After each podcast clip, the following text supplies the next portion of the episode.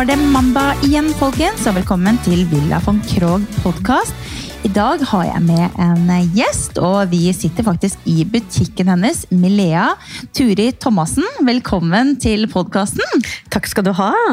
Du, Så gøy at du hadde lyst til å gjeste. Denne podkasten er jo en livsstilspodkast, så jeg tenkte vi må sveipe innom alt av temaer. Og i dag så skal vi da selvfølgelig snakke en del om eh, mote. Høstens, eh, høstens eh, Herregud, nå stokker det seg helt her. Høstens motebilde. Ja. Og vi skal også innom litt reise, tenkte vi. Og til slutt, som, som vanlig, så skal vi da snakke om hva som er på ønskelisten. Men Turi, fortell eh, litt kort om deg selv. Ja, ja altså jeg, jo, jeg er jo godt voksen, da, så jeg har jo vært i bransjen en stund. Eh, og jeg startet jo eh, altså Min første jobb var jeg jo 17 år, og da begynte jeg i en skobutikk i Oslo. Ja. Eh, Grensen skotøymagasin, faktisk. Og det å begynne å komme inn der med Det var jo veldig Hva skal jeg si, det er jo en veldig, er, altså veldig kjent butikk hvor det er veldig mye faste kunder. Og jeg jobbet da i annen etasje, det var tre etasjer. Det var liksom første etasje hvor det var liksom litt sånn fritid, og så var det annen etasje da som jeg jobbet i, hvor det var liksom disse fine fruene som kom og handlet. Ja. Og det var liksom litt sånn litt mer eksklusivt. Og jeg kom jo inn der, ingen erfaring. Og de damene som jobbet der da, de hadde jo jobbet der i alle år, og jeg var liksom Hvem er hun lille der, liksom? Eh, og så var det Nå føler jeg meg veldig gammel, men de gikk faktisk i uniformer. Ja. Det var sånne syntetiske kjoler som jeg syntes var fryktelig stygge, som jeg måtte ha på meg. Mm. Og jeg hadde de der utafor buksene og sånn. Ja, da. Jeg ville ikke gå med kjole, liksom, så jeg skulle vise at dette er bare noe jeg ble tvunget, tvunget på meg. og så husker jeg så godt jeg hadde, Det var en, en, en fyr da, som jeg hadde liksom møtt, som eh, var litt interessert, som kom liksom, og skulle ha meg med på date. Og jeg syntes det var så flaut når han kom. Jeg gikk i den kjolen. Og jeg bare Å, jeg håper ikke han kommer. Og det husker jeg så godt. Så de damene var veldig, Men det gikk ikke så veldig lang tid før jeg liksom, de tok meg under vingene, og jeg var inne der. Og jeg ble jo jeg fikk, ble kasseansvarlig, det var veldig stort eh, der. Tok liksom noen år før man fikk oppgradert seg. Ja. Så det var starten på min eh, butikkarriere. Og så gikk det liksom litt sånn hakk i hæl. Jeg, jobbet- jeg har jo nå jobbet eh, over 30 år faktisk med, med, i butikk, da, mer eller mindre. Ja. Men så har jeg hatt noen pauser innimellom. Jeg hadde blant annet eh, etter jeg hadde litt sånn, følte litt sånn dårlig erfaring i en butikk jeg jobbet i, hvor jeg følte at jeg ikke helt passet helt inn. Så jeg kjente at nei, nå må jeg ha en pause fra det butikkjobbingen, og så må jeg prøve noe annet. Og så er jeg også veldig glad i å reise, Ja. så da tenkte jeg at eh, jeg tok meg Jeg kjørte, kjøpte enveisbillett ned til Parga. Eh, Jeg hadde vært der en gang før med min mor og søsken. Og så kom jeg ned til Parga, og jeg syntes det var så koselig, det var sånn lite sted. og det var sånn, Her kan jeg være, ja, være trygt, liksom, og jeg blir kjent med folk. Og, så jeg var der tror jeg, tre måneder. Ja. Eh, og så ble jeg kjent med jeg tror jeg, hele Parga. Ja. Alle gutta, Jeg skjønte jo liksom hvordan ting fun funka på sånne feriemål, da, med disse jentene som kom og gikk. og Jeg ble liksom en, en del av disse grekerne. Ja. så det var veldig moro. Eh, og så kom jeg hjem igjen, og da følte jeg at jeg hadde litt sånn ny, ny giv til å starte på'n igjen. Og jeg kjente jo at butikk er jo noe jeg liker. Eh, samtidig så er jeg veldig glad i reise òg. Så eh, da tok jeg faktisk eh, eh, tenkte jeg reise og jobbe, kombinere det. Det er jo en fin eh, ting. Så da eh, søkte jeg hos Vingreiser. Eh, begynte jeg på sånn, gikk på sånn intensivkurs på Gran Canaria for å bli reiseleder. Eh, og så ja, så ble jeg da eh, eh, holdt jeg på å si, sluppet ut. Jeg ble flyttet ut til forskjellige destinasjoner. Da. Så jeg jobbet faktisk eh, skal vi se, det var fem sesonger som reiseleder. Det kan jeg tenke meg. Det, det passer du veldig godt Ja. som. og når du hører at snittet er en og en halv sesong på reiseleder, så skjønner du liksom at jeg er litt over snittet glad i både å reise og ha det moro. Ja. Ja. Du er jo veldig utadvendt, og du blir jo veldig lett eh, kjent med folk. Ja. Så, så jeg kan tenke meg at det var en veldig bra kombo. Ja, det var det. Og det, var, det, var sånn, vet, det er sånn tid jeg aldri ville vært foruten. Eh, veldig mange tenker sånn å, reise det er så dårlig betalt, og de jobber så mye og sånn. Men for meg, altså jeg har jo kontakt med masse av de folkene jeg har jobbet med ennå. Ja. Eh, og jeg fikk liksom altså, ja, jeg tjente dårlig, men du, du fikk jo ikke brukt penger. For det var altså Hvis jeg kom på en restaurant, det er jo litt sånn eh, hva skal jeg si, smisking blant disse når du kommer på sånne destinasjoner. Da. De vet at vi sender kunder, ikke sant. Ja. Så hvis jeg kom på en restaurant, så betalte jeg selvfølgelig ingenting. Og jeg kom jo heller ut kanskje med fire flasker vin. Ja, ikke sant? sånn. Ta med de her! Ja. Ikke sant? så de der, jeg tror det var 3007 jeg tjente i måneden, eller jeg klarte nesten ikke å bruke de. Nei, ikke sant? For det var ingenting å bruke penger på. Det var eneste Nei, klær. du jobba mye. Ja, jeg jobba, ja, og så var det Jeg bodde gratis, jeg spiste gratis, jeg drakk gratis. altså Alt var jo gratis. Så gøy. Så, så, så ja, altså, det var en veldig fin tid. Ja. Og, og ja, Så det, det ville jeg aldri vært foruten. Og det er virkelig noe jeg vil anbefale folk som er litt reiselystne og sånn som jeg, da har litt lopper i blodet. Mm. Så er det sånn fin måte å være borte og gjøre noe annet, og så lærer du veldig mye. Ja. Du utvikler deg veldig. Jeg hadde jo blant annet, eh, Det er jo ikke bare dans på roser, da, selv om det er mye party og sånne ting. så er det også, Jeg hadde jo ansvar for sykehus, og da var det skjer jo mye, sånn som jeg i Napa eksempel, om sommeren. da, Kan du Ja. tenke deg? Ja, ja. Jeg har jo vært der selv. Jeg Ja. hoppa, hoppa i strikk og dagen derpå og hiv ohoi, liksom. Ja. Ja, Og, så- ja, faktisk vært på sykehuset i på. Har du det? Hvem har ikke det? Nei, det har vært Ja, Men det var ikke jeg som skada meg, altså det var eh, venninna mi. Hun, eh, også, hun skulle vise noen engelskmenn hvordan vi drev med dansing. Vi drev med freestyle-dans. Det kjempemyke. Så da tok Anette rett og slett og tok eh, og så sparka seg selv i bakhodet oh, oh. med høye hæler. Oh. Hun var jo relativt myk, så hun sparka seg i hodet, måtte inn og si noen sting. Og så sa de i morgen må du ta det helt med ro, liksom. Nå må Ja. du ta det med ro dagen, eh, resten av ferien. Ja. Dagen etterpå dro vi ned på stranda, hoppa i strikk ned i vannet. Nei. Jo, jo. Hiv og hoi. Ja. Ja, så ja, sykehus eh, Ayanapa kjenner til den. Ja. Been there, Ja. done that. Og det er faktisk sånn, bare sånn, ikke skal forsvare det å være reiseleder, for jeg tror det er litt sånn undervurdert. Mange tror liksom at jeg skal bare jobbe som reiseleder, men det er ganske stort ansvar. Du har jo ansvar for masse gjester, og det her med sykehus, det skjer jo mye med folk også på ferie, kanskje enda mer. Ja. Forsikringssaker, folk som mister alt de eier og har, folk som blir frastjålet ting, og ja, og så det jo, skjer det jo også folk blir ordentlig syke, og noen dør. Og, ja, så det er mye som skjer på et reisemål, faktisk. Ja. Så det var veldig sånn lærerikt, føler jeg. Utviklet meg veldig. Samtidig som man kan sjonglere det med å ja, kjenne på det her med reising og, og den, eh, ja, være utenlands. Og, ja, det er veldig sånn fritt og litt annerledes, da. Og Dette her var da i 20-årene dine? det da, Ja, det var faktisk, Jeg var litt seint ute, så det var, jeg var vel 27 faktisk da jeg begynte. Ja. Så jeg var jo en av de litt, eh, ja, ikke eldre, men ja, det, det er du som har alt fra 20 til 30, liksom, da. ja. Mm. Ikke sant? Og så var du ferdig der som eh, reiseleder. Hva, Ja. hva fant du på da? Da var det søsteren min jobbet faktisk her som jeg er fremdeles, på Trekanten. Og hun var butikksjef på Benetton, og hun sier til meg Turid, nå må du komme hjem. Og jeg bare nei, jeg er ikke så veldig klar for det. Så jo, nå må du hjem. Og så tenkte jeg kanskje jeg skal dra hjem en tur og se åssen det er, da. Og så Ja. fikk jeg et vikariat i en butikk her på Trekanten, og det var en som var gravid. Og hun eieren sa kan vi ikke ta et årskontrakt, tegne et årskontrakt? Og jeg bare nei, det syns jeg hørtes veldig lenge ut. Ja. Jeg kan ikke begynne med et helt år. Og nå har jeg faktisk vært her på Trekanten i 21 år. Ja, ikke sant? Så det ble, det ble Ja, da ble jeg faktisk her hjemme. Det var liksom noe med det å når jeg først kom meg hjem, fikk meg sted å bo, jeg fikk meg kjæreste, så gikk det liksom bare sånn hakk i hæl, holdt jeg på å si. Med, ja, så ble det barn etter hvert. Og, ja. Ja. Det var nok riktig å komme hjem. Det var bare det at det var komfortabelt, og, og jeg trivdes godt ute, men det er klart at det, det, går en, det er en grense for alt. Ja, det er jo det. Ja, så det var, eh, det var riktig tid å komme hjem på, faktisk. Og det jeg er jo glad for det nå, da, at det ble sånn. Ja, og sånn som nå, nå sitter vi faktisk i butikken din, da, Milea, som er på Trekanten senter i Asker. Um, denne butikken, hvor lenge har du hatt den? Eh, Jeg hadde jo først, som sagt, jeg startet da som butikksjef her på Trekanten først. Og så hadde jeg alltid egentlig hatt en drøm om å ha, ha egen butikk. Ja. Eh, og så var det litt skummelt, da. det koster jo mye penger, og det er litt som et stort ansvar. Og man er jo liksom alltid Jeg er litt sånn, jeg må tenke nøye. Jeg, jeg er veldig impulsiv på en måte, men samtidig så er jeg litt sånn at hvis jeg skal ta og gjøre noe, så må jeg føle meg trygg på det. på en måte. Ja. Så jeg var liksom, jeg syntes det var litt sånn skummelt å skulle låne penger, og, og tenkte tenk hvis det ikke går, og sånt. Så jeg brukte nok veldig mange år og grublet på det å starte butikk. Jeg var så nære på faktisk i Bogstadveien en gang. Og, så, jeg, så jeg har liksom vært nære på, og så, ja, og så har jeg også hatt en lang den perioden hvor jeg jobbet i butikk, så holdt vi på med å prøve for barn. Brukte veldig mange år på det. Ja. Så jeg trodde jeg skulle bli gravid hele tiden. Så jeg tenkte ja, nei, jeg kan ikke starte butikk nå, for jeg blir jo, da, nå er jeg sikkert snart gravid. Ja. Så vi var jo gjennom en sånn prøverørsprosess. Ja. Og det var jo, gikk jo plutselig fire år til det. Ja, ikke sant? Så da gikk liksom tiden litt. Så når Milde, datteren min, eller vår, da, ble født, så tenkte jeg at det er nå eller aldri, liksom. Så ja, timingen er jo egentlig aldri på en måte riktig, hvis man skal tenke på alt. Eh, hun var jo liten stakkars når jeg åpna butikk, da, så det ble jo mye jobbing. Så jeg åpnet da med Lea sammen med en kollega i 20, eh, 207.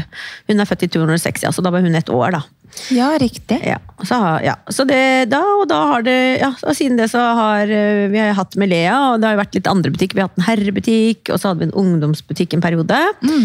Og så nå for i 2019 så skulle jeg fornye kontrakter, og da ble jeg enig om min tidligere kollega og jeg å dele selskapene. I Ja. å eie halvparten hver, så eier vi hver vår butikk, da. Ja. Og det har vært eh, helt riktig. For Ja. min del, i hvert fall. Ja. Ja, men det er bra. ja. Da har jo dere faktisk vært eh, i Asker så lenge som jeg har bodd i Asker. For jeg flyttet nemlig til Asker i slutten av 2007. Ja, ikke sant? Ja, Så da har jeg, jeg har vært eh, stam, stamkunde i eh, da alle år, Ja, kan man si. ja, jeg kjenner jo igjen deg, for jeg har Ja. gangene her. Vært innom noen ganger. Jeg har vært innom det er jo kjempehyggelig. Så fordi sånn som vi, vi kan jo bevege oss litt inn på høstens eh, trender, da. Ja. Eh, hva er det som kommer nå? Som vi kanskje ikke hadde så mye av forrige sesong? Er det som, eller er det, liksom, er det liksom flytende overgang? Ja, ja, både og. Altså, jeg, synes, jeg har jo jobbet som sagt så lenge at eh, jeg sammenligner litt sånn fra litt år tilbake, så var trendene mye enklere å definere. Det var veldig sånn tydelig hvis noen spurte hva kommer til høsten eller hva kommer til våren. Ja. Så var det litt sånn nei, det er den stilen og det er fire farger og that's it, liksom. Og Ja. jeg følte at sånn var det nesten i alle butikkene. Ja. Mens de senere ja, år så har, ser man et mye mer spenn i moten. Eh, både designerne har sitt eget uttrykk, de tør å gå føler jeg, litt mer egne veier. Eh, du har liksom, sånn som for oss da, som har Tiger of Sweden eksempel, det er jo veldig business, litt cleanere og klassisk. Og så har du jo liksom noen som kjører mer bohem, og du har jo de som kjører ja, så det, det, er, det er veldig mye forskjellig, det er veldig vanskelig å definere sånn er trenden. Men det som jeg syns er gjennomgående, så startet det ganske mye i fjor, og kommer til å se enda mer i år, er strikkesett. Det er veldig veldig mye sånne todelt, altså genser og bukser som matcher, typ, med i strikk i alle mulige varianter. Smale ben, vide ben. Eh, høstfargene fortsetter. For min del så syns jeg mørk brunt er vel den som kommer mer sterkere, som ikke har vært så mye av. Det har vært mer kamel og beige og Ja, grønt. Og grått også. Ikke grått. Ikke grått. og mørkeblått er to farger. Grått har vært borte litt, og det Ja, kommer har til å fortsette. Ja, Ser det ikke til våren noe særlig heller. Veldig lite. Det var jo veldig veldig mye sort og grått en periode. Ja, og det hang jo litt også med den interiøret Når vi på en måte alle skulle ha grå vegger, ikke sant? Alle skulle ha grått hjemme. Da var det også veldig mye grått på klær. Ja. Og det ser jo det, altså, Vi snakket jo litt om det i sted også, at uh, motebildet henger ofte sammen med, med interiør og, Ja. og tendenser innenfor hus og hjem også. ikke sant? Absolutt. Vi ser jo nå at det farger som ofte folk maler med hjemme, det er mer beige-toner. Det er mer de varme jordtonene. ikke sant? Ja. Eh, Så det er jo litt sånn, det er jo litt vittig at det, det går litt sånn som hånd i hanske, det der. Ja, altså. det gjør det. Og det, jeg så ser på trender, og det går litt i sånne bølger også. Altså, alt kommer jo igjen, og sånn som jeg som har levd en stund, har jo sett, føler jeg, nesten alt før. Det kommer jo selvfølgelig nye sånne snitt, og det er jo alltid noe nytt. Mange sier at jeg skulle tatt vare på det og det, men jeg tror hvis du hadde tatt fram noe av det gamle, så er det ikke alltid det er like fint, fordi det, liksom, det kan være skuldreparti, det kan være lengde, det kan være vidde, så det er jo noen eh, variabler, men, men jeg syns liksom, man ser ting kommer igjen hele tiden. Det går i en sånn eh, sirkler, og det er jo fordi at vi skal, ja, skal være gøy for oss også, og ha lyst til å kjøpe noe nytt. Hvis alt var likt hvert år, så trenger du ikke kjøpe noe mer. Nei, det er jo noe med det. Men jeg ser også, jeg tror, jeg vet ikke om det korona har hatt noe innvirkning. Det har nok en del innvirkninger på hvordan motebildet også utvikler seg i forhold til Jeg ser jo folk er mer sugende på lysere farge på vinteren. Det ser vi jo mer av nå. Ja. Det var jo ikke så vanlig før. Det skulle liksom bare være sort på, omtrent på vinteren og hvitt på sommeren, liksom. Ja. Men nå ser vi sånn som og naturfarger. og ja, ikke kritthvitt kanskje, men krem. Man ser mye, mye mer av det på vinterkolleksjon enn før. Mhm. Og vi ser også på sommer motsatt, at vi selger mer sort om sommeren. Det gjorde vi heller ikke så mye før. Nei. Så Så, det- det går litt mer i hverandre, rett og slett? Ja, og, det, ja, og jeg syns det er ganske riktig òg, hvis man tenker på det. For jeg tenker når høsten kommer, det blir sånn mørkt, og mange syns det er litt sånn kan, Noen syns det kan være litt tungt. Mhm. Så tenker jeg at det, da er det jo riktig at vi har på oss litt sånn farger og litt lysere ting. da, Ikke bare gå i sort hele vinteren. Det blir liksom nesten litt deprimerende, syns jeg. Ja. Nå sitter sorte. vi jo i butikken din. Her er det jo selvfølgelig litt grann salgsvarer, så Ja. det henger jo litt sånn rest igjen av, eh, av sommer. Mm. Eh, men hvis jeg sitter her, så ser jeg det er litt blått og hvitt og sort. Det er Mm. jo ikke noe særlig grått, så det har du helt rett i. Det er en del kamel. Mm. Eh, og litt sånn varme, varme rødtoner. Litt sånn Ja. Det, og det Grønt. er, mye, det er mye lyst. Ja, det er det, altså. Og det er også første gangen jeg har opplevd at vi har fått lin på høsten. Det har jeg Ja. aldri heller hatt før, og det fikk jo nå. Tenkte jeg, jøss, er det her riktig? Jeg husket faktisk ikke at jeg hadde kjøpt de med veldig fine skjorter eh, fra Line Oslo. Eh, og de er eh, hvite lin, men eh, jeg tenker at why not? Lin er jo kjempedigg stoff å ha på seg, det puster. Ja, og med en deilig liksom, jakke, strikkejakke, noe sånt noe over, så, så er du på en måte litt mer pyntet. Ja, du får en annen Eh, struktur. Og casual samtidig, da. Ja, du er det. Ja, absolutt. Og det er en annen struktur i materialet og sånne ting også. Så ja, det er det jeg syns igjen at tiden vi lever i, så er liksom alt lov. Mer er lov. Det er ikke så strengt. Når jeg var yngre, så var det sånn du skulle ikke blande sort og blått, og du skulle ikke ha rødt og rosa, du skulle ikke ha beige og grått. Men nå er liksom, og det må jeg si til de yngre, da. Jeg syns de er så mye flinkere, de er så friere på veldig mye forskjellige ting, egentlig. Men når det kommer til å kle seg, så er de, de er flinke til å blande gammelt og nytt, dyrt og billig. Eh, og det er liksom, jeg er en sånn matchingsgenerasjon. Du skal liksom, Hvis du kjøper deg en skjerf, så skal den passe omtrent til veska og skoa. Ja. Men de er jo ikke sånn. Der skal det nesten ikke matche. De er sånn, ja, Da kjøper jeg en gul lue, liksom. Ja. Så det syns jeg er veldig gøy å se liksom at de er så mye, vi har mye å lære av de, egentlig. Det blir litt Ja. friere. Jeg er nok litt sånn som du sier, at eh, når jeg kjøper det skjerfet, så vil jeg at det skal matche veske og sko osv. Ja. Um, nå skal jeg spørre deg om en ting, eh, Turi. Ja. Hvordan vil du beskrive min stil, klesstil? Jeg syns du, du er veldig flink til å kle deg, du, og så ser du alltid fresh ut. Jeg har jo sett deg uten sminke, Ja. og det er jeg jo kjempeglad for, at du også er litt normal.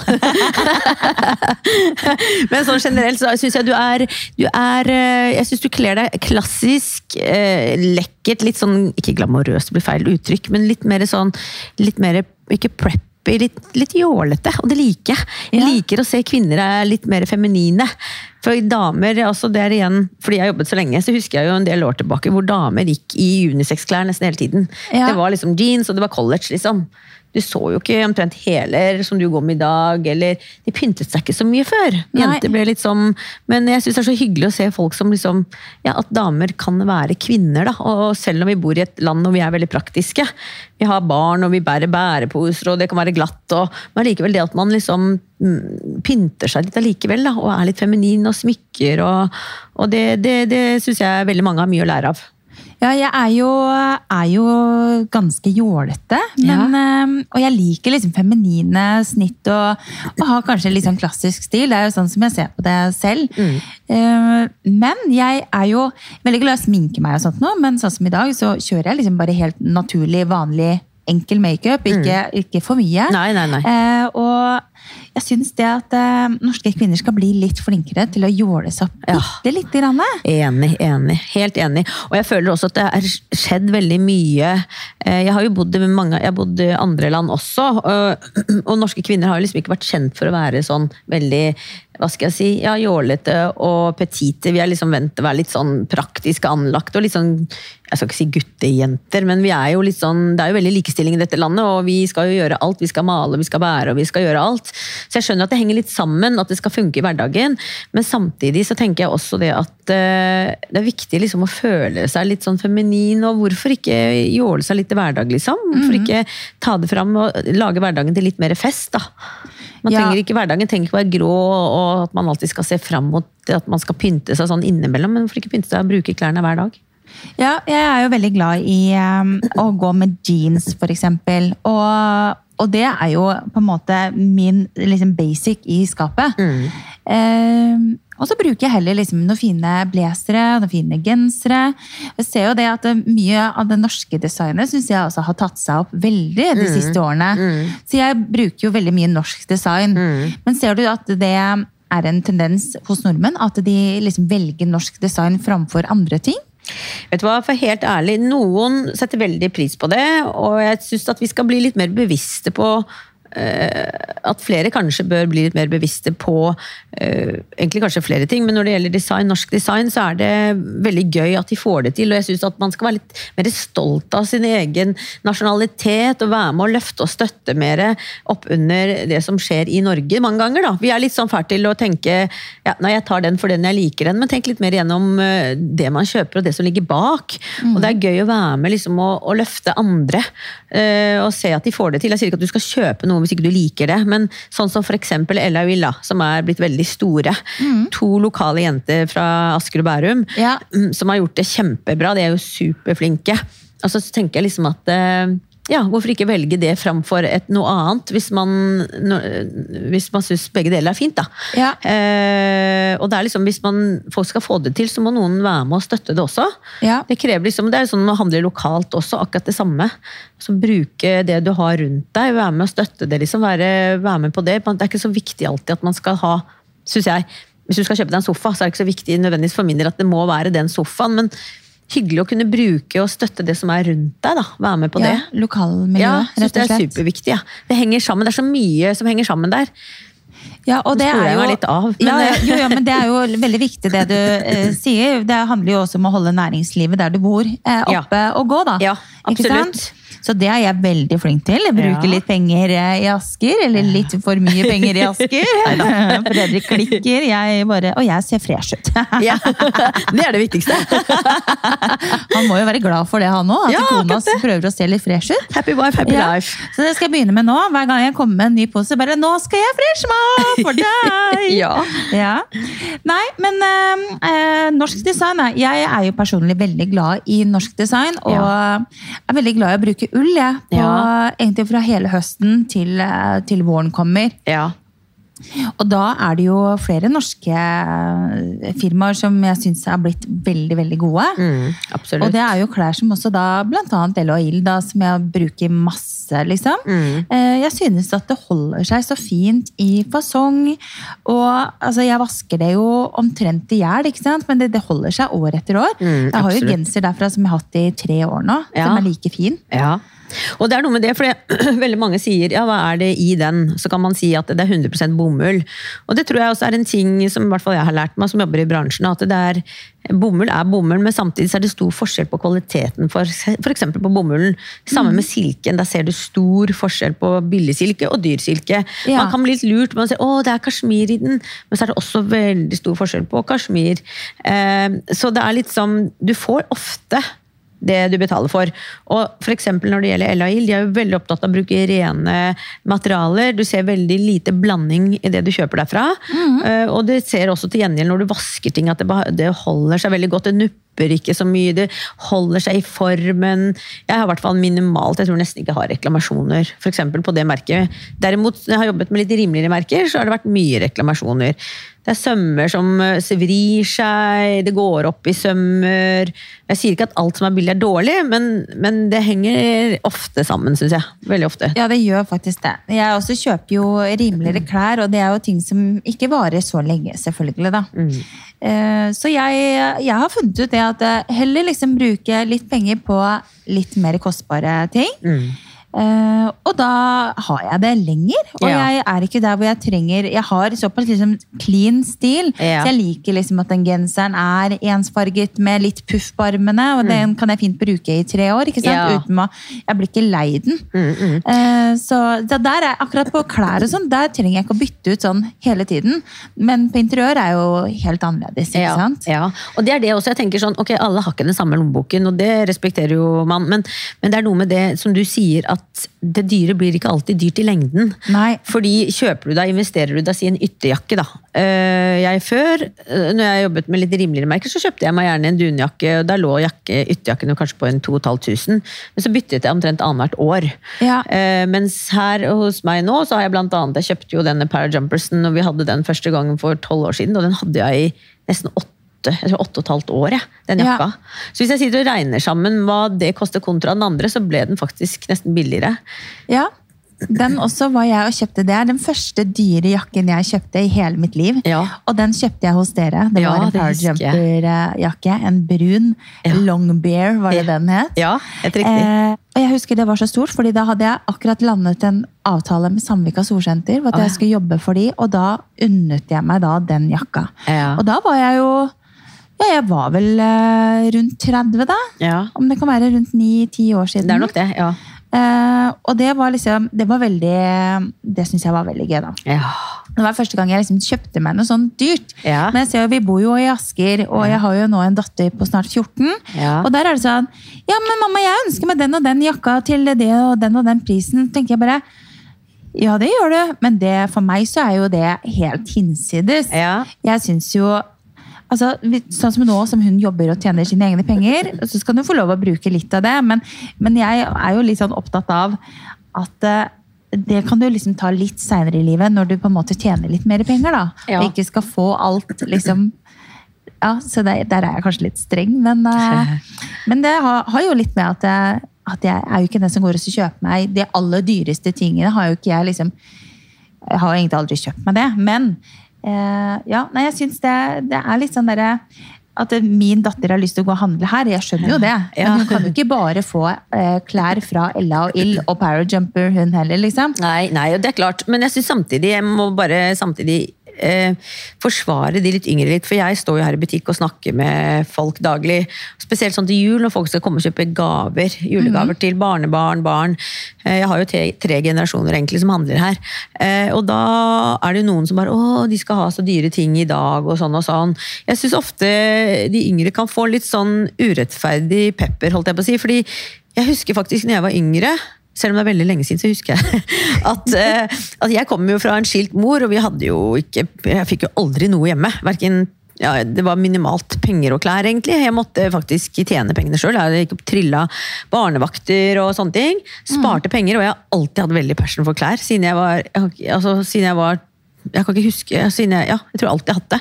Eh, og jeg hadde merkeklær. Jeg hadde Lacoste, og jeg hadde Fila, jeg hadde Robedi Kapp, altså det var den gangen Ispa-støvletter. Eh, Millet-jakke var jo da alle skulle ha den gangen. Eh, og de kosta jo da, jeg tror det var, hvis ikke jeg husker feil, en 3500 kroner, og det var jo veldig mye den gangen. Ja. Det var nesten mer enn det en Parajumpers koster i dag. Og jeg hadde alle disse tingene, men jeg jobbet for det, jeg tjente mine egne penger. Eh, og i dag så opplever jeg noen ganger at noen voksne kan komme inn og litt sånn Å, de er unge i dag, sånn og sånn. Så tenker jeg, tenk tilbake. Når du var ung, det var faktisk akkurat det samme. Så jeg tror det her med merkeklær og dyreklær har alltid vært der. Det har nok det. Det har det, altså. Og det har ikke blitt noe, jeg syns ikke det har blitt verre, men det jeg syns faktisk de yngre er blitt flinkere til enn det jeg føler min generasjon var, er at de er eh, Når de kommer og ønsker seg noe til jul, f.eks., så er det mange som ønsker seg et par Ugg botter. Og ja, Ja. de er veldig dyre, men da er de sånn jeg tror ikke de, de er liksom ikke så opptatt av hvor mange ting de får. Men at kanskje flere kan gå sammen og spleise på en ting. Ja. Det syns de er kjempe, for de vil gjerne ha den ene tingen. Det er viktigere for de, mens når jeg var yngre, så var det sånn man skulle ha veldig mye forskjellig. Ja. Man skulle ha hårføner, og så skulle man ha ditt, og så skulle man datt. Og så det var en kjempeliste. Men i dag er det veldig sånn, hvis de får den ene eller de to tingene, så er de superhappy. Så man kan liksom gå sammen og spleise litt. Og så opplever jeg ofte her at barn kommer inn, og så betaler de litt selv, og så kommer kanskje bestemor og betaler litt, og så kommer mamma og betaler litt, og, og sånne ting. Men jeg ser også at de tar vare på tingene sine, og de har de lenge når de kjøper disse kvalitetstingene. Ja, og så driver de jo og styrer fælt med også kjøpe og selge brukt. Ja, og det også er en kjempefin ting, da. de Og det, ja, vet du hva, det syns jeg egentlig er veldig fint. Så Emma hun er jo Hun bruker litt tid på Tice. Ja, ja. Selvfølgelig. Og hun har solgt ting der, og så liksom samler hun opp penger, og så kjøper hun seg den nye tingen hun ønsker seg. da. Ja. Så hun er jo flink, det er ikke det. Det er bare det er det der, Det er et evig mas om Ja. 'Mamma, jeg vil ha det, jeg vil ha det, jeg vil ha det'. Jeg bare, ja, det skjønner jeg. Ja. Jeg vil også ha det og det og det. Men det, det har jeg ikke mulighet til. Nei. Men hun har jo vært veldig flink i sommer og fått seg sin første jobb og tjent sinnssykt mye penger. Jobba masse. Jeg så i actionen nede på Napa, nede i Vollen der, på Ja. kjøkkenet, så det var jo kjempegøy å se henne. da. så hun styrer og ordner, hun. Så det er klart at da skal hun få lov å få glede av at hun eh, faktisk eh, tilbringer mesteparten av ferien sin på jobb, da. Ja, og ikke er ute og henger med venner. Det er jo kjempebra. Så, nei, så det er gøy, det. Og så har hun jo blitt såpass stor, så jeg merker jo at det et og annet eh, forsvinner fra klesskapet til mor. Ja. ja. Det å det var jeg også ganske flink til, for så vidt. Ja. Ja, Å gå i skapet til mamma. ja. Men uh, litt tilbake til det med høstmote. Hva tror du på en måte blir uh, høstens eh, store it-plagg? Det er jo ofte en sånn eh? Om det er en vest, eller det er liksom noe sånn nytt som kommer. Jeg ser i tillegg til som jeg sa, de strikkesettene, da, og det, de strikkesettene også tror jeg henger mye sammen med det her korona som jeg snakka litt om. altså Nå har det vært mye college og koseklær. Ja. Og den strikken er jo liksom å dra det over til høsten, og at det blir koseantrekket på høsten. Fremdeles litt hjemmekontor. Dette her er jo designet og laget for lenge siden. Så jeg tror det var litt sånn, henger litt sammen med det, at det, er, det blir så stort. Men en annen ting også som man ser kommer nå, det er jo lange vester. Dunvester. Lange vester generelt. Ja. Eh, og da snakker vi lange, altså nesten etter midt på leggen-type lengder. da, Under Ja. kneet i hvert fall. Ja. Så, så dunvester, lange dunvester, det er jo også litt nytt. Ja. Korte har jo vært selvfølgelig lenge. Så jeg føler, ja, som sagt, det er veldig mye forskjellige. Vide bukser. Det er liksom Alt er lov nå. Du har alt fra skinny til sleng til vide bukser. liksom Høyt liv, da. Det er det jo på stort sett alt. Men jeg syns det er strikken som dominerer veldig i Norge. Synes jeg. Veldig mange er gode på strikk nå. Ja. Samme som nå har jo jeg akkurat ferdig å kjøpe neste sommer. Ja. Og jeg så jo også, jeg har jo en butikk i Kragerø, der ser jeg at i sommer så gikk det jo vanvittig med kjoler. Alle skal kjoles. Det er veldig sånn kjoletrend. Ja. Og jeg tror og håper at den fortsetter litt utover vinteren og høsten også. Med litt annen styling, selvfølgelig, da. Ja, jeg er jo veldig glad i å bruke kjoler på vinteren. Ullkjoler helst, Mm. Ikke sant? Så jeg, har, jeg har sikkert eh, i hvert fall ja, mellom 15 og 20 ullkjoler hengende i skapet. Ja. Og jeg bruker veldig ofte det. Eh, og da er det jo veldig mange som bare «Å, hvordan klarer du å bruke kjole på vinteren? liksom? Og, og i forhold til sko. Mm, ja. For det er veldig mange som ikke orker å gå med høye sko, men nå er det jo mer lov å gå med litt lavere boots og sånt nå også, ikke sant? Yes. Man trenger ikke nødvendigvis ha de mest klassiske skoene fordi at man går med en sånn klassisk pen ullkjole. Overhodet ikke. Og det er det som er litt sånn gøy med trendene også nå. Det er styling, det er hvordan du setter sammen antrekkene. Og det er litt sånn det vi prøver å fortelle kundene også når de kommer hit. Da, hvordan Gi de forslag til hvordan de kan sette sammen ting. For det er mange som er litt usikre på. Eh, og nå har du den sneakertrenden vært lenge, som har liksom åpnet litt opp for at det går an til å, å, å være praktisk, ha praktisk kledd og samtidig kle seg fint. Vi har jo solgt sneakers til kjoler nå i to sesonger, i hvert fall. Eh, og sånn drar det nå til høsten. Så jeg nå har jo disse bootsene, litt sånn chunky, kraftige, flate bootsene, eh, som kommer i forskjellige litt sånn høye såler. Ja. Eh, det fortsetter, det begynte jo litt i fjor, og det fortsetter veldig i år. Eh, og da er liksom kunsten, skal du gå da med en kjole, som du sier, strikkekjole, det funker jo til et par kraftige boots og sko, for Ja. den er jo kraftig i stoffet. Eh, kanskje ikke alltid like fint med alle typer stoffer til de kraftige skoa, men det er balansen er å finne riktige strømper. Ja, og da skal vi bevege oss inn eh, på strømpebukser. Fordi det er jeg eh, veldig, veldig opptatt av selv. Ja. Og jeg, har, og jeg skal dele mine favorittmerker på strømper. Ja. Men eh, før jeg gjør det, tenkte jeg, hva slags strømper er det du anbefaler? Du som Ja. har liksom sett alt opp igjennom. Ja, jo. Eh, altså det jeg ser eh, Strømpemerket, hvis du spør meg om det, så er jeg veldig glad i Calvin Klein. Ja. Eh, Oro Blue er jo sånn klassisk. Det kommer an på hva, strømpe, hva slags strømpe du skal ha. Hvis du skal ha til selskap noe som har litt hold, og sånne ting, så syns jeg Oro Blue er gode på det. De er litt små i størrelsen, syns jeg. Ja. Eh, Calvin Klein synes jeg er veldig gode hvis du skal ha litt mer fashion og litt mer til som du sier, strikkekjoler og til boots og sånn. Eh, og jeg synes eh, Det kommer an på materialet på kjolen. Hvis du velger en kjole i et tynt materiale, så skal du ikke ha for grove strømper. Men det skal være en balanse mellom kjolen og skoene. Ja. Så har du grove eh, sko, så kan du selvfølgelig heller ikke ha tynne strømper. Nei. Så kjører du en strikkekjole, så vil jeg si en litt sånn tommefingerregel. Hvis jeg kan si det sånn, så er det 80 dener, syns jeg er sånn typisk fin tykkelse til en kjole. Ja. Den er såpass den er tynn, men samtidig så er den tett. Det er sånn at det vil si at huden synes nesten ikke gjennom. Ja. Den er liksom tett. Eh, og selvfølgelig går man med en veldig kraftig boots og en kraftig strikkekjole, så kan man jo kjøre mer ull og grovere strømper. Men en sånn normal kjole vil jeg si, da, til boots, er 80 dener funker alltid. Ja. Også Og da helst sort, eller? Du, det kommer litt an på. Vi er jo litt sånn, det er jo det som er vanlig, da. Og så er det sånn veldig mange ting som spiller inn, men kommer an på høyden på bootsene. Hvis de er høye, eh, så er det ofte finest å kjøre samme som bootsene, syns jeg. For hvis ikke så blir man veldig sånn oppstykket, da. Du ser bare litt strømpe, liksom. Ja. Eh, Og så har det litt med høyde å gjøre, sånn som jeg som er veldig liten.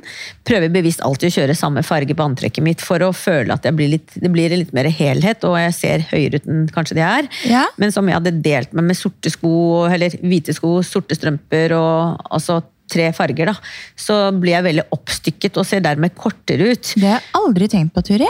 Jo, det, det, er- jeg, eh, hvis du legger merke til meg, så går jeg ofte sånn hel. Ja. Nesten alltid. Se på skoene til og med, er hvite. ja. Hvite sko, hvit bukse og kremfarget genser. Ja. Ja. Så det er liksom sånn, i hvert fall når du er liten, så må du tenke litt på det. Eh, Det er mange sånne ting man kan si om eh, tips til eh, hvordan man skal kle seg. Det er jo, men når det gjelder strømper, så tenker jeg i hvert fall det som kanskje er litt utypisk, da, som jeg syns egentlig er ganske kult, det er hvis du har på deg hvit kjole og sorte strømper. Det, er liksom, det var sånn no-no før. Oh, ja. Men det er egentlig ganske kult. Altså, hvit og sort og bryte helt, liksom. Hvis du da er litt høyere enn meg, da, så, vil jeg merke. Jeg er veldig glad i å bruke ulle... Jeg er jo et sånn ullmenneske. Ja. Ullstrømpebukser på Ja. vinteren. Og da synes jeg faktisk det at uh, By Kvale, kjenner du til de? Hørt om det, men jeg har ikke noe erfaring med det. Jeg har ikke testet det selv. Nei, jeg har kjøpt det i noen sesonger nå. Hadde et samarbeid med de for en stund siden. Eh, og da, det var da jeg først liksom fikk prøve det. Det syns jeg er veldig gode strømper. Og så syns jeg også faktisk at Pierre Robert er eh, ganske gode på liksom strømpebukser i ull. da. Ja. mhm. Så det, det er liksom de to merkene jeg pleier å gå og kjøpe. Og tynne strømper, samme som deg, Oro Blue. ja. Som regel, da. Ja. ja, fordi jeg er veldig god på støtte hvis du trenger litt, litt hjelp. holdt jeg på å si. Sånn Ja, det litt- hender jo at jeg trenger litt hjelp. Hjelp, den rumpa her, den trenger opp litt! Den magen her, den eh, Ja ja, sånn er det. Man, sånn er det. Det er like greit, det. Ja. Istedenfor å drive og sulte seg i hjel, så får man heller få litt hjelp av noen strømpebukser. Ja, det skal ikke så mye til!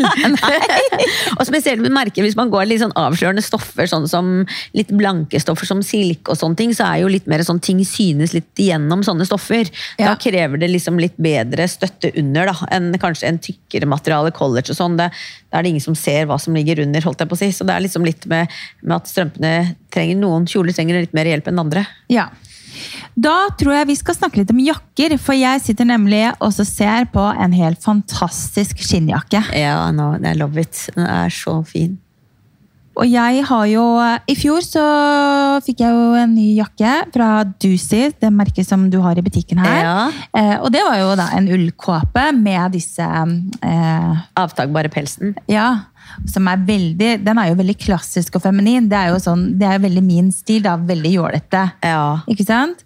Eh, kommer det litt mer av sånne veldig jålete kåper i år, eller skal det være røffere? Du, vet du hva? Eh, begge deler.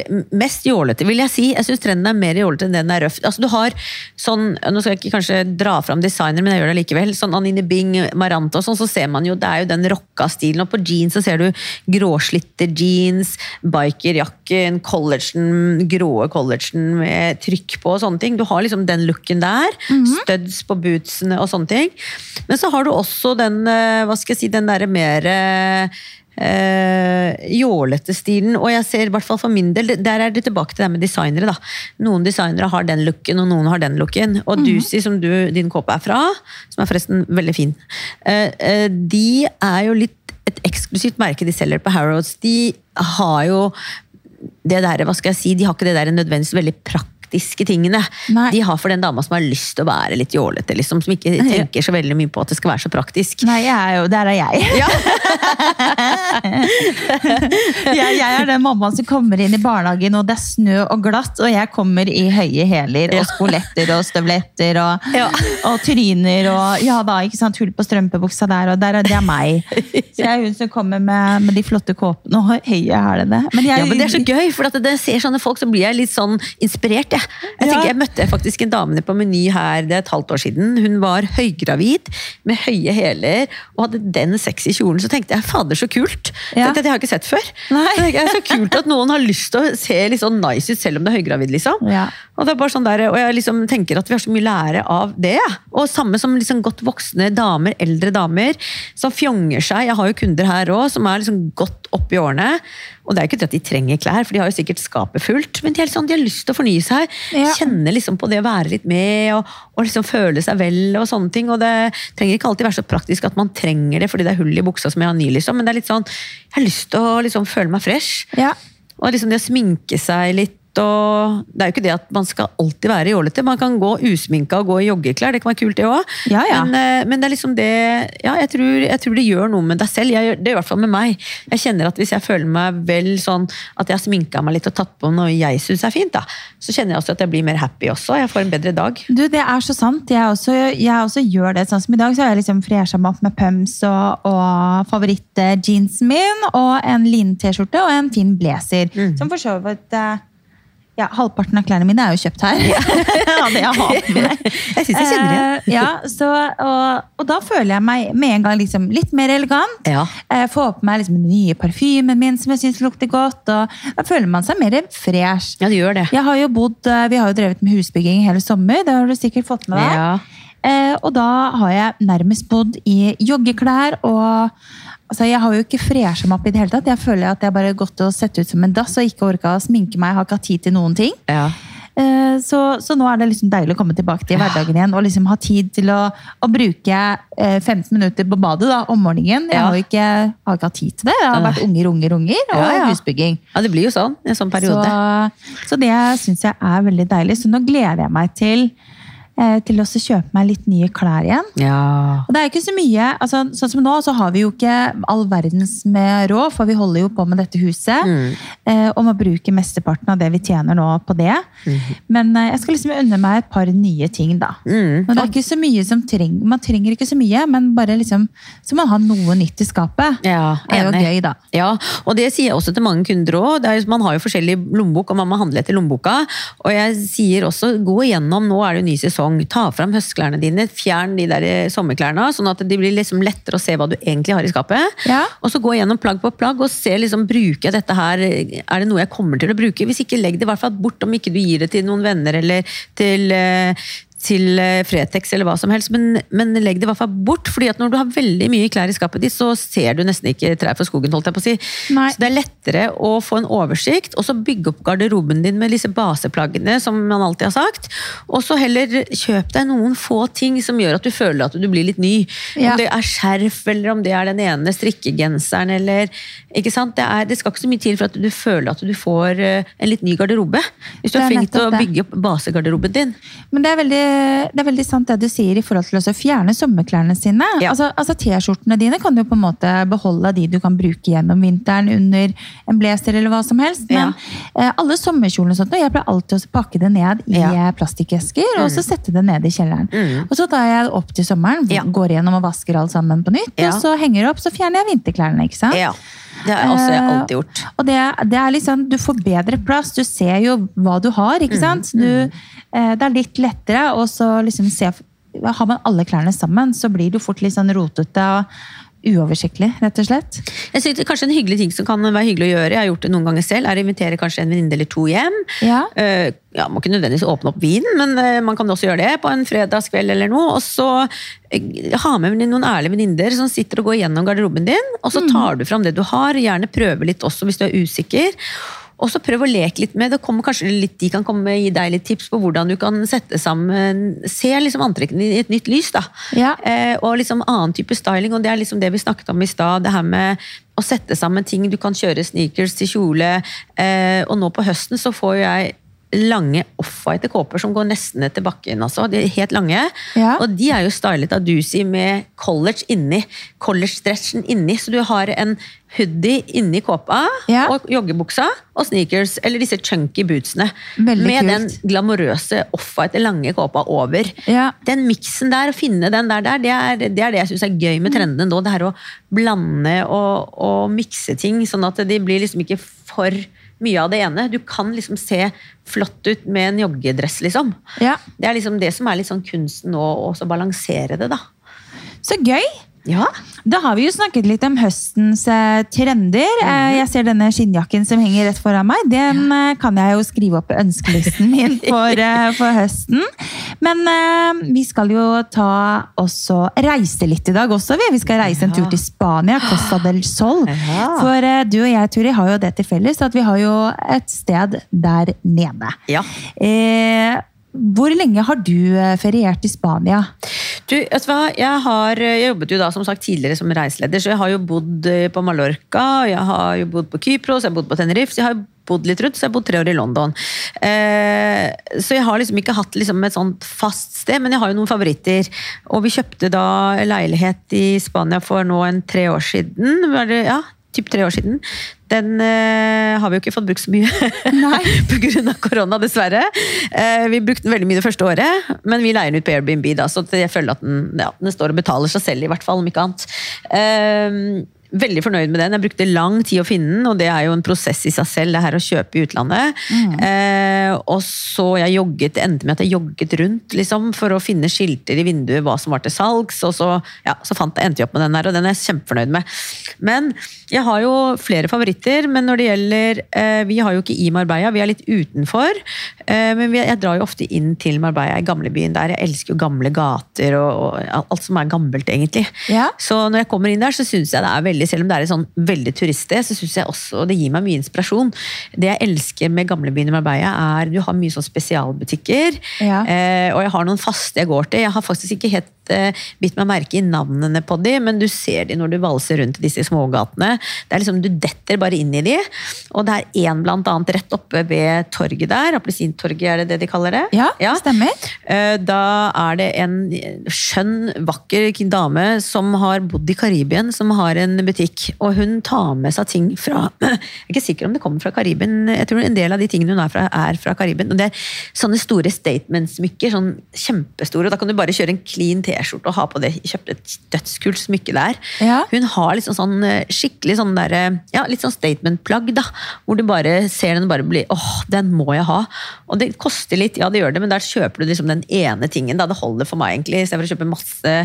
Så, så hvis jeg finner en ting jeg virkelig liker, så vil jeg heller kjøpe den ene tingen.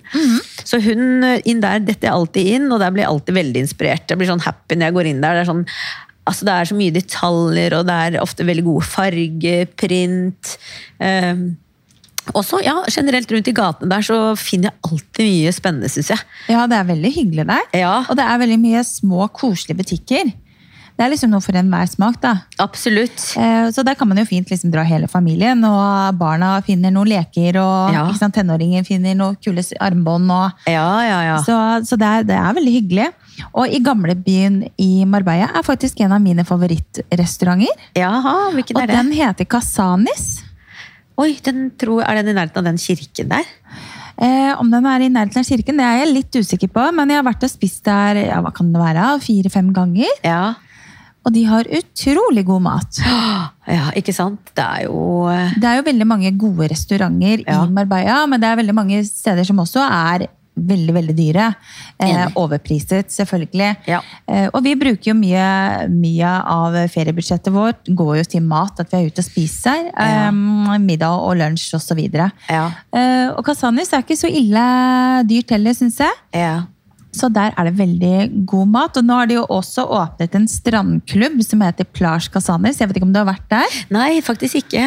Der, er, eh, vi har bare vært og spist middag der, men det er jo også et sted som man kan gå og spise middag, hvor det er en fantastisk atmosfære. Ja. Og du sitter, liksom, du sitter jo på stranda og spiser med de flotte bordene og oppdekningene. og Mm.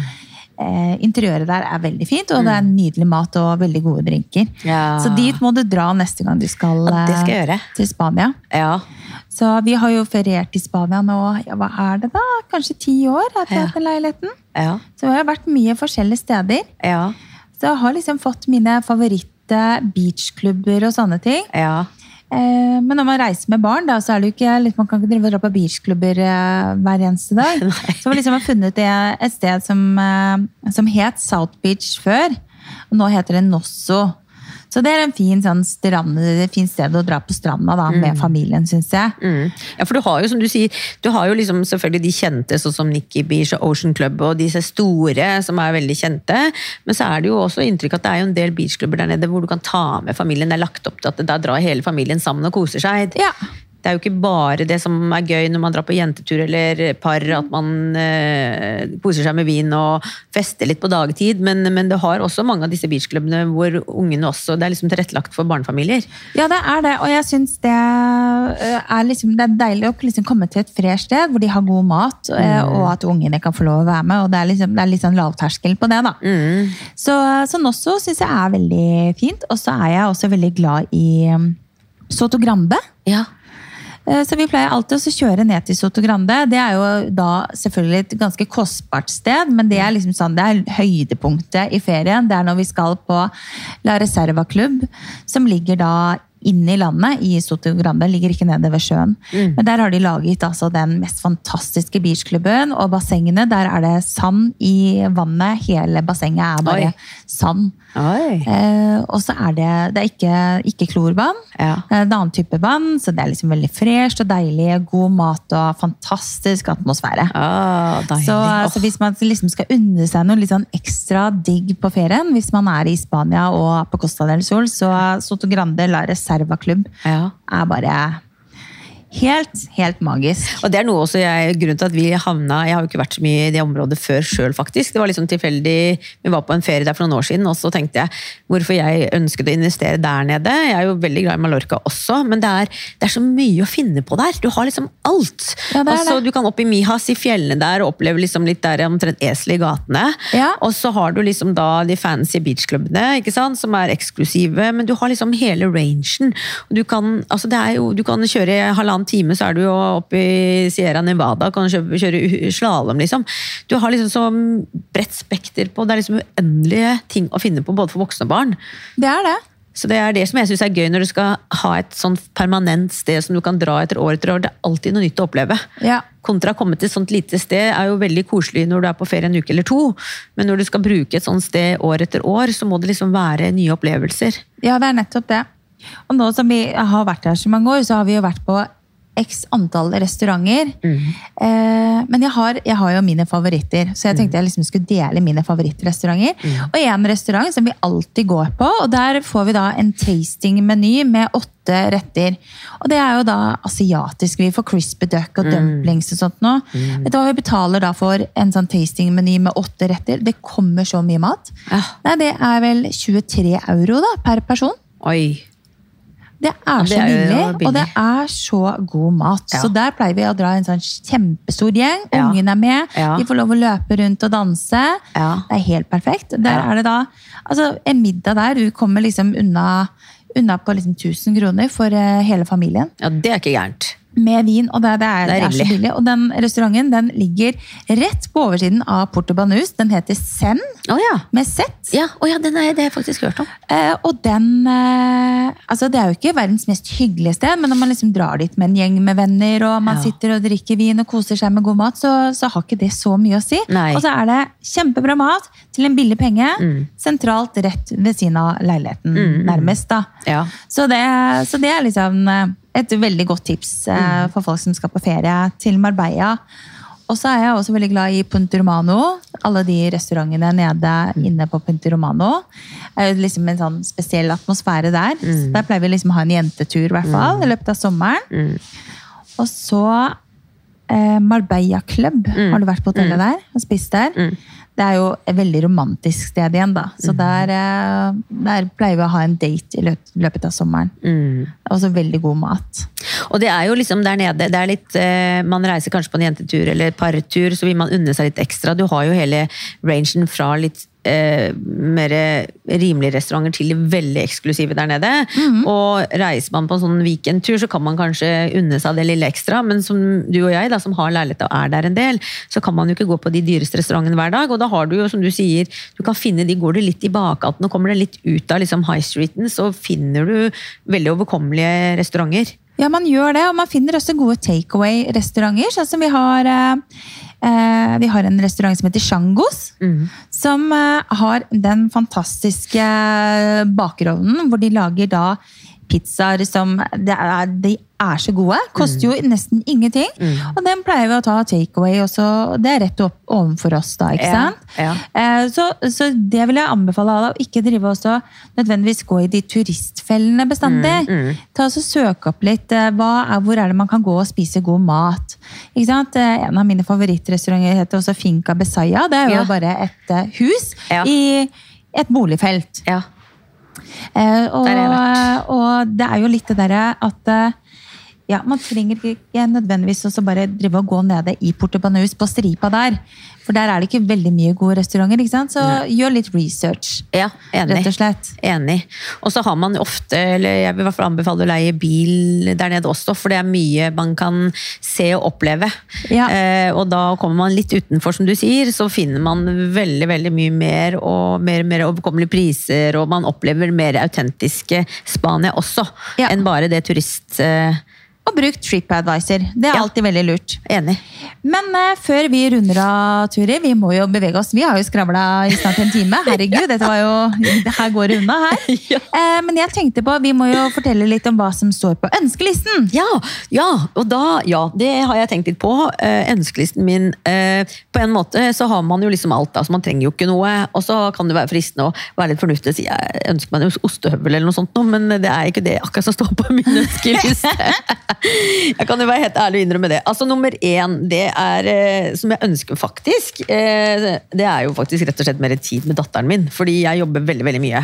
Ja. Jeg jobber, og jeg har jobbet veldig mye nå, det har vært korona, jeg har prøvd å spart på lønnsutgiftene, så jeg har jobbet veldig mye alene. Jeg har jobbet hver lørdag nå nesten i to år, og så åpnet jeg eh, butikk i Kragerø, og da jobbet jeg hele sommer der, så jeg har ikke hatt noe ferie. Nei. Så jeg kjenner jo, når hun, hun er sånn som aldri sier noe, men når hun sier til meg, mamma du jobber hele tiden, og Ja. når du kommer hjem så er du alltid sliten, så føler jeg jo litt på det. Så det er liksom nummer én, jeg skulle gjerne hatt litt mer tid med henne. Det må jeg nødt til å ta tak i. Og så nummer to, så ønsker jeg meg jeg har, eh, Vi flyttet fra hus til leilighet. Vi hadde lyst til å ha det easy living. Vi har pusset opp masse hus og kjent at vi nå har vi lyst til å ha det ja, lettstelt hjemme, i og med at vi jobber såpass mye hjemme. Ja.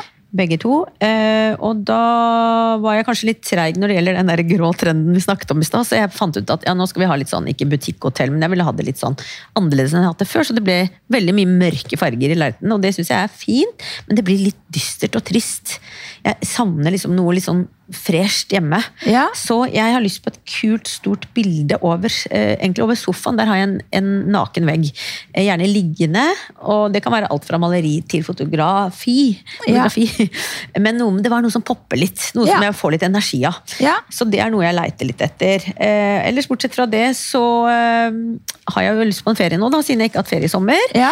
Eh, så jeg håper på, når vi ser hvordan det utvikler seg med disse røde og ekstra røde sonene i Spania, ser det litt eh, mørkt ut akkurat nå. Ja. Eh, men eh, jeg har også vært på en del sånne katamaranturer. Vi har leid katamaran med og uten kaptein. Eh, så jeg er inne nå og googler litt på Drømmen min er en katamarantur i Karibien, da. Så Ja. får vi se om vi får til det over jul, blir nok det i så fall, da. Så Ja. spare litt penger først. Ja. Så det er liksom de tre tingene som står på ønskelista nå. Det var litt store ønsker, men uh, jeg var sammen med datteren min, det bør jeg i hvert fall klare å få til. Ja, det bør du klare å få til. På min ønskeliste, det, jeg har en ny ting på ønskelisten, det er jo da denne skinnjakken som henger i butikken din. Den har jeg veldig lyst på. Ja. Og så har jeg faktisk, eh, med tanke på at vi bygger dette huset og plutselig ikke hadde råd til å kjøpe gardiner, så har jeg nå tatt og solgt Jeg hadde jo en gammel Volkswagen Boble. ja, har du solgt den? Den fikk jeg i gave av Fredrik. Den har jeg nå solgt, så jeg skal ha råd til å kjøpe gardiner. Ja. Så nå, nå er jeg veldig fornøyd. Så da er det liksom en av de store tingene på min ønskeliste. Da kan jeg snart huke av den. Eh, og så ønsker jeg meg rett og slett eh, Altså, jeg ønsker meg litt sånn eh, fred og ro. Litt, Ja. litt eh, Nå har det vært så ekstremt mye greier for oss denne sommeren her, og egentlig hele år. Mm. Så nå ønsker jeg meg en litt roligere høst, Ja. hvor jeg kan få lov å sette meg ned og lese en bok. Mm. Ja. For det har jeg ikke hatt tid til på år og dag, og jeg har ikke liksom klart å skumme gjennom interiørbladene mine nærmest engang. Så jeg ønsker meg rett og slett tid til å lese bok, gardiner og en skinnjakke. ja, men noe av det bør vi få til. Ja, det får vi gjøre. Vi får eh, satse på at det går i orden.